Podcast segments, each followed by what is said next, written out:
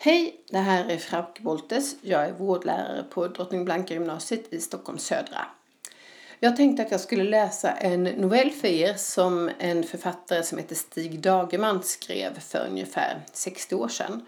Novellen heter Att döda ett barn.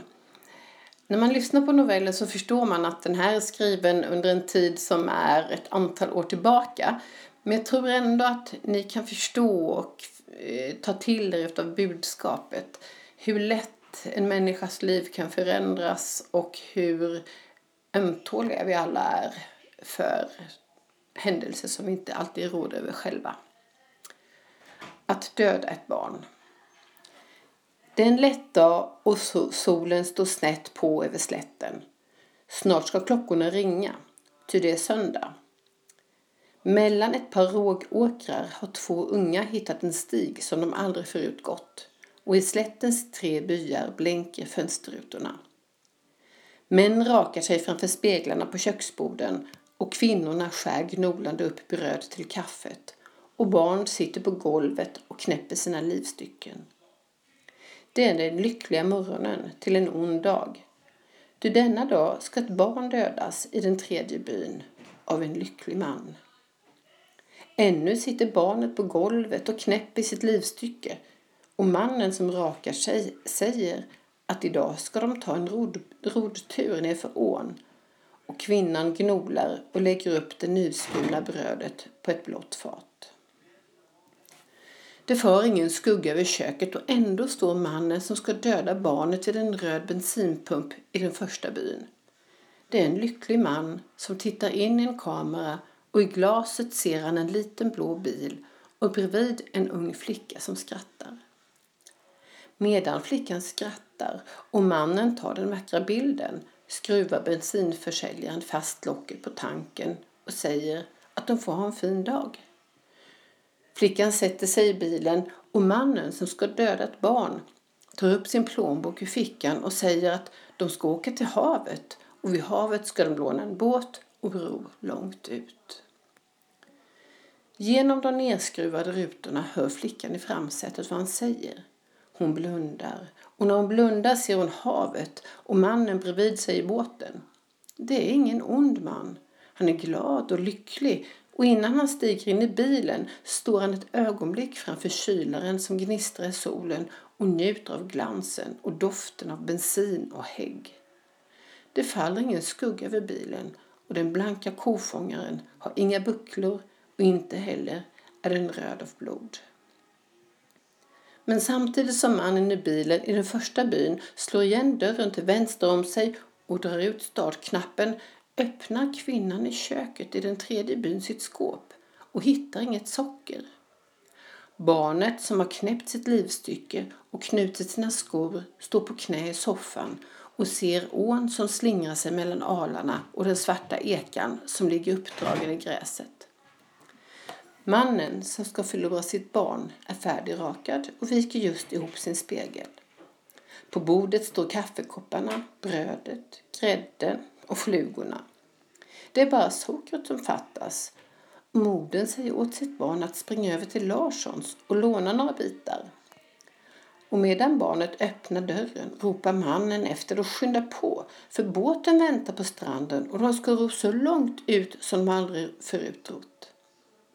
När barnet sedan springer genom trädgården tänker det hela tiden på ån och på båten och på fiskarna som slår och ingen viskar till det att det bara har åtta minuter kvar att leva och att båten ska ligga där den ligger hela dagen och många andra dagar. Det är inte långt till Larssons, det är bara tvärs över vägen. Och medan barnet springer över vägen far den lilla blå bilen in i den andra byn. Det är en liten by med små röda hus och nymålade människor som sitter i sina kök med kaffekoppen höjd och ser bilen rusa förbi på andra sidan häcken med ett högt moln av damm bakom sig. Det går mycket fort och mannen i bilen ser äppelträden och de nykärade telegrafstolparna skymtar förbi som grå skuggor. Det fläktar sommar genom vindrutan. De rusar ut ur byn. De ligger fint och säkert mitt på vägen och de är ensamma på vägen. Ännu. Det är skönt att färdas alldeles ensam på mjuk bred väg och ute på slätten går det ännu finare.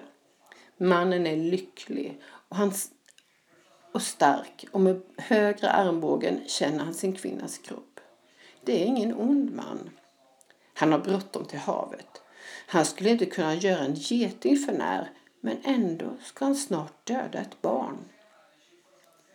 Medan de rusar fram mot den tredje byn sluter flickan åt ögonen och leker att hon inte ska öppna dem förrän de kan se havet.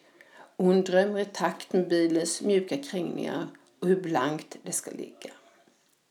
Ty så barmhärtigt är livet konstruerat att en minut innan en lycklig man dödar ett barn är han ännu lycklig. Och innan en kvinna skriker ut sin fasa kan hon blunda och drömma om havet. Och den sista minuten i ett barns liv kan detta barns föräldrar sitta i ett kök och vänta på socker och tala om sitt, tala om sitt barns vita tänder, om en roddtur och barnet själv kan stänga en grind och börja gå över vägen med några sockerbitar inslagna i vitt papper i högra handen.